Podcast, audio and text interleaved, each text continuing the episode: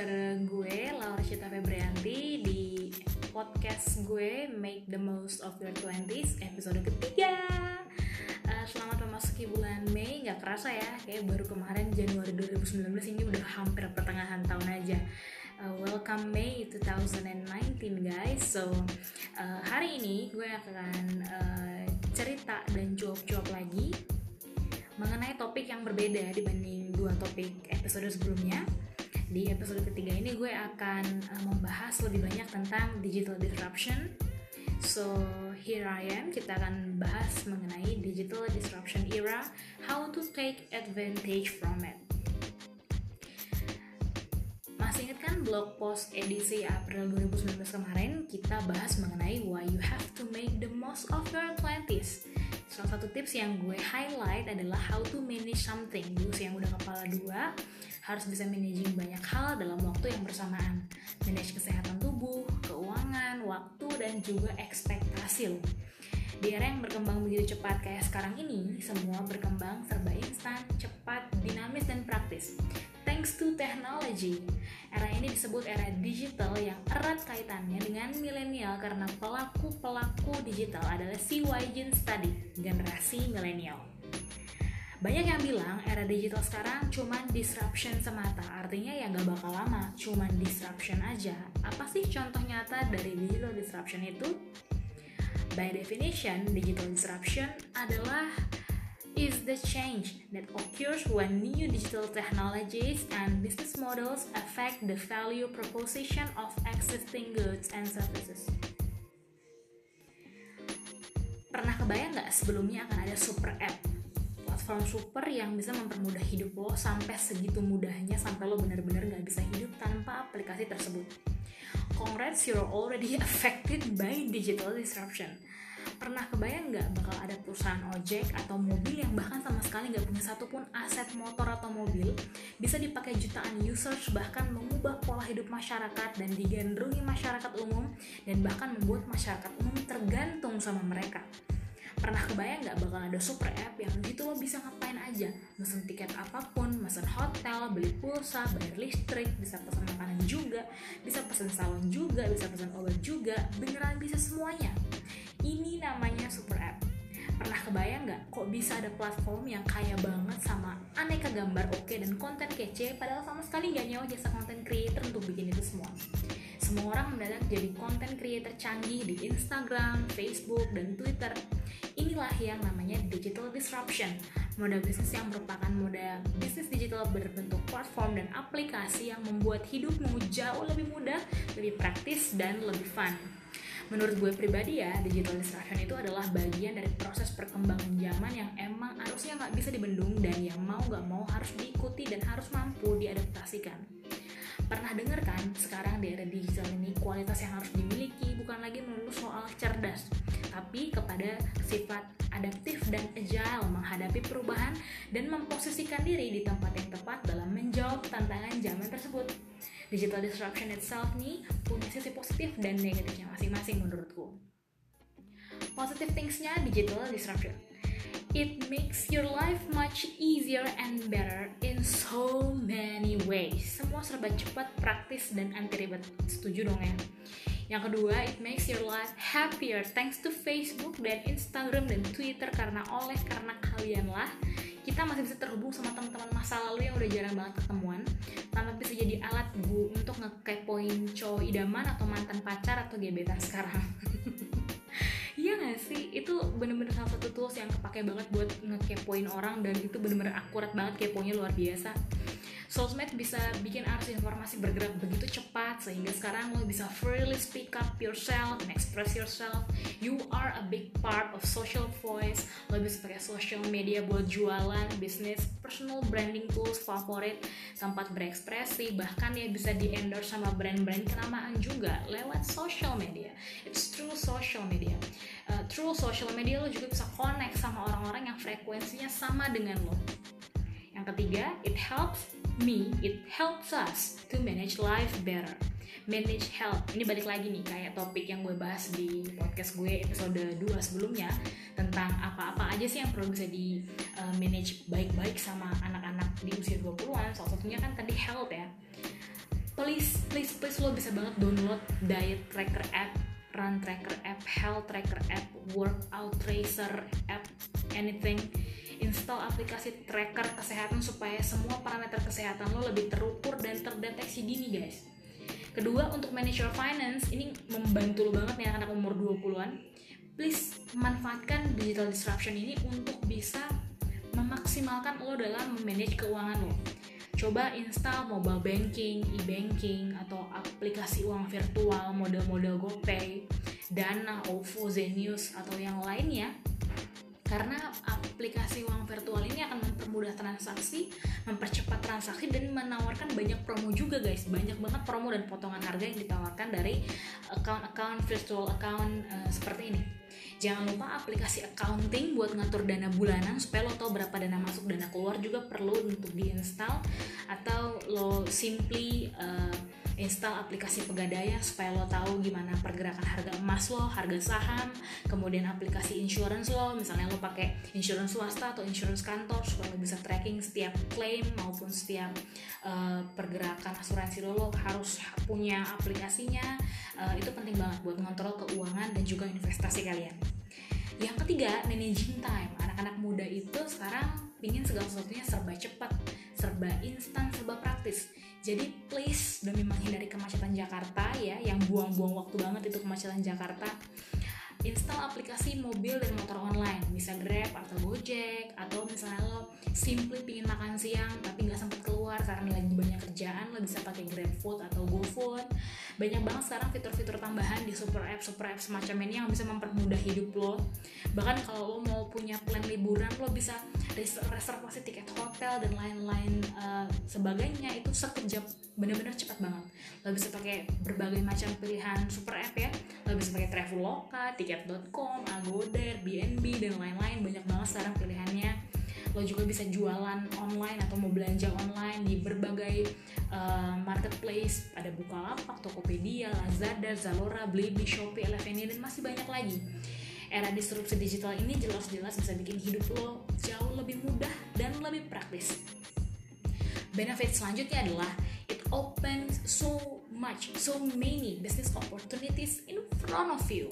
Kebayang gak dulu zaman SMA, definisi bimbel itu ya lo kudu ke bimbel deket rumah dan belajar di sana 4-5 jam sehari, ikutan tryout dan lain-lain, semuanya offline di kelas. Sekarang lo bisa TO online dan belajar modul online pakai aplikasi ruang guru misalnya Kebayang nggak kalau platform digital seperti kita bisa.com bisa menghimpun dana sosial untuk mereka yang membutuhkan? Ini luar biasa banget sih idenya. Ini gue salah satu yang gue suka banget kita bisa.com ini ya. Kebayang nggak kalau dengan digital platform kita bisa mempertemukan seller pre-love items dengan buyersnya? Ini namanya Tinkerlus. Yes, Tinkerlus did it. Kebayang nggak kalau dengan warung pintar ada banyak UMKM warung yang diberdayakan dengan lebih baik? The list goes on and on. Digital disruption sungguh menjadikan hidup seharusnya lebih baik dan berkualitas ya. Terus apa dong negative thingsnya? Hmm.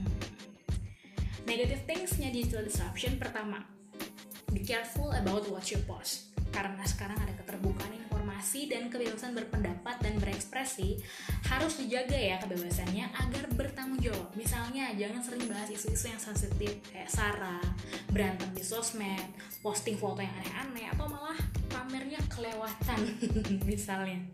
Be wise with what you post. Your social media reflects yourself. It's your personal branding tools. It's your personality. You sharing hal-hal yang positif, hal-hal yang mendidik dan hal-hal yang bermanfaat bagi yang baca. Gak cuma jadi sarana untuk kita berbagi tentang apa yang kita punya tapi make sure bahwa yang kita sharing ini bermanfaat buat yang baca yang kedua nih, negative thingsnya menurutku adalah kita harus be careful ketika kita lakukan online transaction atau bisnis online.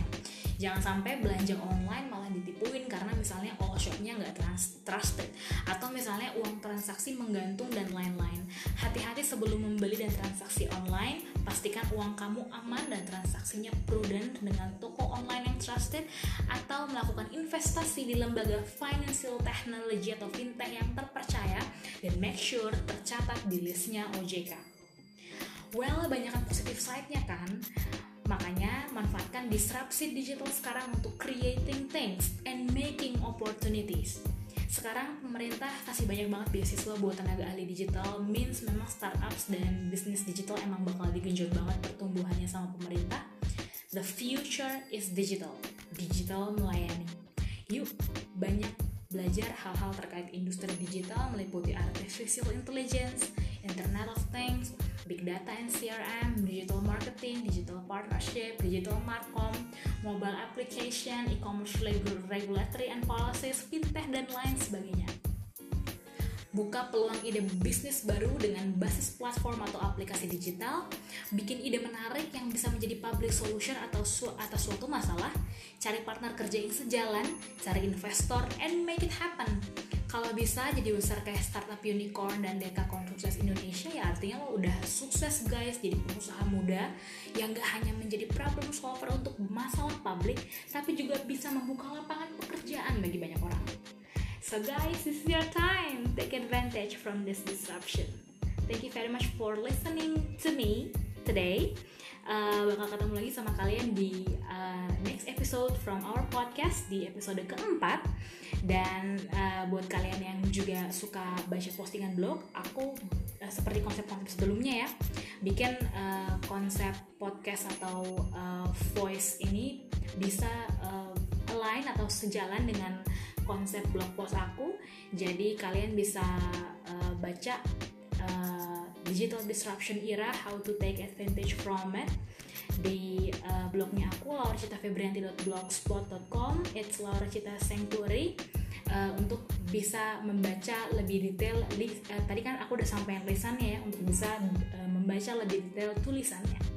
Itu aja guys. Thank you thank you very much for listening to me. See you on the next episode. Bye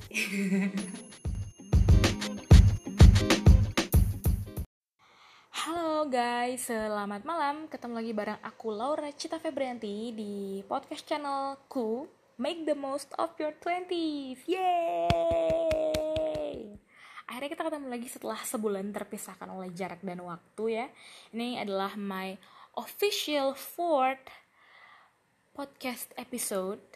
Hmm, kemarin tuh episode 3 rilisnya di bulan Mei kayaknya aku bakal jaga um, ritme, maintain gimana supaya bisa uh, bikin konten preparation yang lebih matang. Jadi mungkin kalian uh, akan mendapatkan konten konten-konten baru tuh setiap sebulan sekali. Jadi uh, you guys harus mulai expect ke sana karena aku kayaknya akan continuously ngikutin ritme yang sekarang. Setiap bulan kita rilis satu uh, topik yang aku sharing di podcast dan juga sekaligus di uh, blog post. Jadi rilisnya barengan gitu.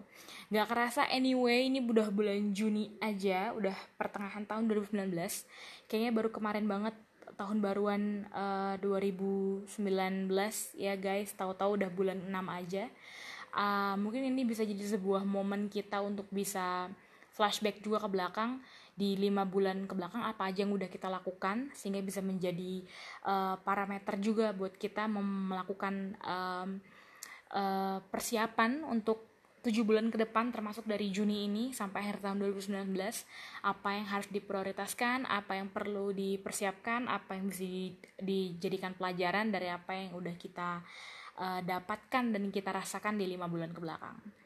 Oke, okay, speaking of my fourth official podcast um, episode ini kita akan mulai masuk ke tema utamanya manage the gap your expectation and your reality here we go People lost because they want think fast when life is long. Itu kata Gary Vaynerchuk. Gimana guys? Ini quote intro openingnya kok rasanya kena ya gitu. Aku pun merasakan hal yang sama ketika lihat post feed dari Gary ini di Instagram officialnya dia dan langsung kepikiran untuk angkat tema ini karena I believe most of millennials struggling with this issue also. Udah beberapa minggu lalu siapin konsep tapi baru sekarang ini nih sempat nulis dan sekaligus bikin podcastnya buat kalian semua Uh, sebelum membahas lebih jauh tentang gimana kita as millennials manage the gap antara your expectation and your reality guys, kita harus tahu dulu nih secara umum apa sih ekspektasi millennials terutama dalam hal kerjaan. Millennials expectation di kerjaan itu meliputi empat poin. Yang pertama adalah communication. Millennials itu akan jauh lebih efektif kerja kalau di dalam lingkungan kerjanya mereka dianggap sebagai teman atau partner ketimbang dianggap sebagai bawahan atau atasan. Di situasi yang less burokrasi, less protokoler, dan less drama, millennials akan dapat berkontribusi pada performa terbaiknya. Mereka senang dilibatkan dalam proyek penting, dilibatkan dan didengarkan aspirasinya dalam pekerjaan dan tidak dipandang sebelah mata secara profesional. Hanya karena masih muda itu nggak enak banget sih. Maksudnya, I know age matters, tapi kalau kita dianggap jadi less profesional karena masih muda itu uh, sebenarnya adalah pandangan yang mungkin kurang tepat. Well, emang seharusnya demikian. Menurutku semua orang yang punya growth dan positive mindset pasti setuju bahwa belajar beneran bisa dari mana aja. Senior bisa belajar dari junior, junior apalagi harus belajar dan menghormati senior-seniornya. Harusnya saling support dan saling kasih ruang untuk semua orang berhak menyampaikan ide dan sama-sama challenge status quo yang ada. Poin kedua yang millennials butuhkan di working place itu adalah education. Millennials back again agak beda sama generasi sebelumnya yang sangat mengutamakan self security dan kepemilikan benda. Millennials value more on experience and education. Jadi salah satu ekspektasi terbesar millennials terhadap tempat bekerjanya adalah kesempatan training, sertifikasi dan kemungkinan sekolah lagi millennials emang suka gak sabaran untuk segera sekarang juga disebut atau dikategorikan sebagai anak muda sukses. Segera S2, ini maunya ya. Segera jalan-jalan ke luar negeri, segera punya bisnis, segera beli handphone terpaling baru, terpaling canggih, segera pakai sneakers keluaran terbaru, segera punya mobil sport, segera kaya raya, segera jadi CEO, dan seterusnya dan seterusnya which are good but miracle again takes time we have to be patient sometimes Poin yang ketiga adalah project handling. Kayak yang tadi udah gue sampein, millennials need spotlight. Millennials butuh ruang berkreasi to proving they are worth it, that worth it. Not all millennials, but most of them. Jadi kalau ada project-project menarik, bisa banget menurutku ajak anak muda untuk terlibat karena mereka pasti senang bantuin dan senang ikutan terlibat. Atau ya kalau nggak ada yang nawarin, kita sebagai anak muda harus cari sesuatu yang menarik buat bisa kita garap. Yes, actively seeking Artificial intelligence ini poin keempat. Millennials hidup dan lahir di era digital. They are owner of the era. That's why sekarang pemerintah mendukung banget semua pengembangan SDM dan program-program digitalisasi yang terbukti lebih efisien dan efektif. Karena ke depan semuanya akan go digital dan millennials adalah para pelaku aktifnya. Millennials akan tertarik banyak belajar tentang artificial intelligence, Internet of Things, mobile app, face recognition, dan lain sebagainya guna meningkatkan efektivitas kinerja mereka. Itu tadi empat poin yang millennials harapkan di kantor Nah, how, how about us? Gimana kalau setelah mendapatkan apa yang kita butuhkan di kantor, bekerja dengan baik, namun result dari apa yang kita kerjakan gak sesuai dengan apa yang kita harapkan? How to manage the gap between your expectation and your reality? Ini gak cuma buat urusan kerjaan yang tadi gue bilang, bisa juga untuk konteks keluarga, bahkan percintaan, juga pertemanan. Many psychological research that I have suggest you to Pertama, never ashamed Jangan suka menduga-duga, apalagi kalau dilakukan tanpa ada data dan riset valid atau yang paling gampangnya lu belum nanya langsung sama orang yang bisa jadi sumber informasinya. Terus lo dengan mudahnya tarik asumsi itu salah. Komunikasikan ekspektasimu kepada orang yang tepat tanya apa yang lo harus tahu sebelum bikin asumsi yang prediktif probability-nya mendekati 100%. Gimana kita mau berharap bos kita tahu isi hati dan pikiran kita kalau kita nggak menyampaikannya ke mereka dengan cara yang baik?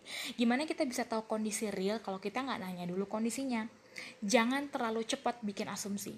Gak semua gak semua orang secenayang yang lu bayangin guys. So ask, never assume karena asumsi yang salah menyebabkan gap antara ekspektasi dan realita jadi kejauhan. Yang kedua yang harus kita lakukan ketika kita uh, tidak mendapatkan apa yang kita harapkan nih misalnya adalah realize that removing expectation from your relationships both personal and professional is not only wise but kind. Ini sih emang simple tapi menurut gue paling benar. Bisakah kita hidup tulus jujur bekerja keras dan maksimal? Tak kenal pamrih karena memang kita mau melakukannya buat buat buat Tuhan buat diri sendiri buat keluarga bahkan bangsa dan negara for greater good that's the question kalau kita udah sampai di titik itu pada hidup we don't need to manage the gap because we live without expectation. We fully live in our reality today and only want to give the best of our ourselves. Karma does exist, I believe. You plant mango, you get mango. If you plant apple, never expect you will get banana unless it is on your assumption only. Kalau kita selalu berikan yang terbaik, suatu saat nanti kita pasti mendapatkan hasil usaha kita, karena usaha tidak akan mengkhianati hasilnya. Jangan gantungkan ekspektasimu sama orang lain, because in fact, emang orang lain bisa banget mengecewakan lo gitu ya. You think you're good enough for this, but you missed what you think you deserve to get. It's happened a lot. It's happened a lot. Jadi, apa karena itu mau berhenti? Mau burnout? Mau ngambek? What makes your heart breaks really hard. Your expectation is it is yours. Since expectation is always easier and lighter than what exactly happens, zero expectation, give and love without limit is key. Atau bisa tetap punya ekspektasi, tapi gap antara realita dan impian harus dijaga supaya tidak ada kekecewaan yang terlalu besar kalau kalau nggak kesampaian. Expect for the best, prepare for the worst buat millennials yang nggak sabarannya agak keterlaluan uh, I've been there guys. Gue juga sama gitu ya. Nggak sabarannya emang agak keterlaluan nih. Uh, letting go is not that easy but but we all know we can. Yang ketiga ini poin terakhir untuk bisa surviving this problem. Enjoy what your life looks like today. Don't mistake expectation for goals apa sih syarat agar kamu bahagia? Harus punya mobil X baru bahagia? Harus nikah umur sekian kah baru happy? Harus lolos ALTS dulu kah baru merasa sempurna? Atau harus masuk perusahaan XXX baru disebut sukses? It's okay to create goals for me personally. It's okay to create standards so you can achieve more, but don't let your happiness defined by your expectation. With or without things that you think you have to get in order to be successful or, or happy.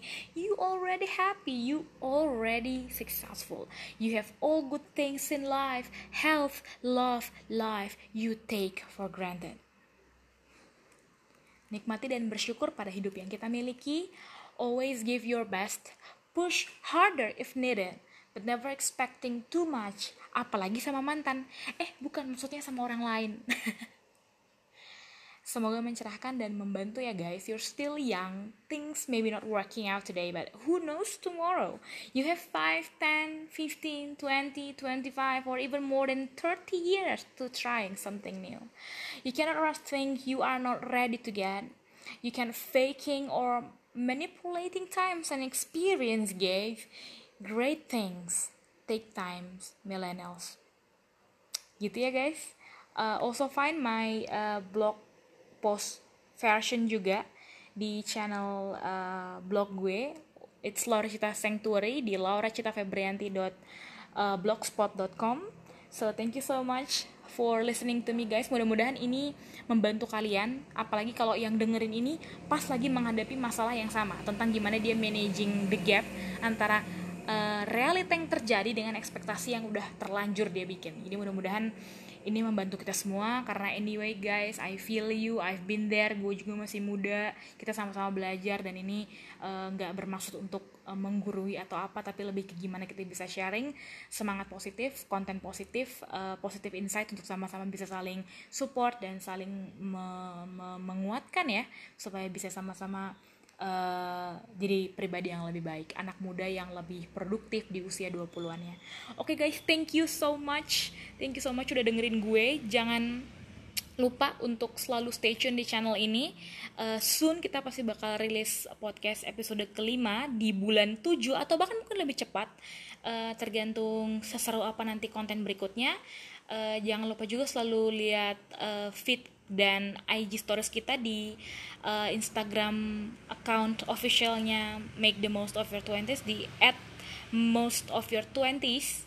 Di situ kita akan sering sharing uh, konten uh, social media post dan juga insta stories tentang gimana testimoni kalian membaca dan mendengarkan channel gue juga um, intro ke next episode kira-kira bakal bahas apa dan lain-lainnya pasti seru banget jadi please guys follow us on our Instagram account. Thank you so much for listening to me.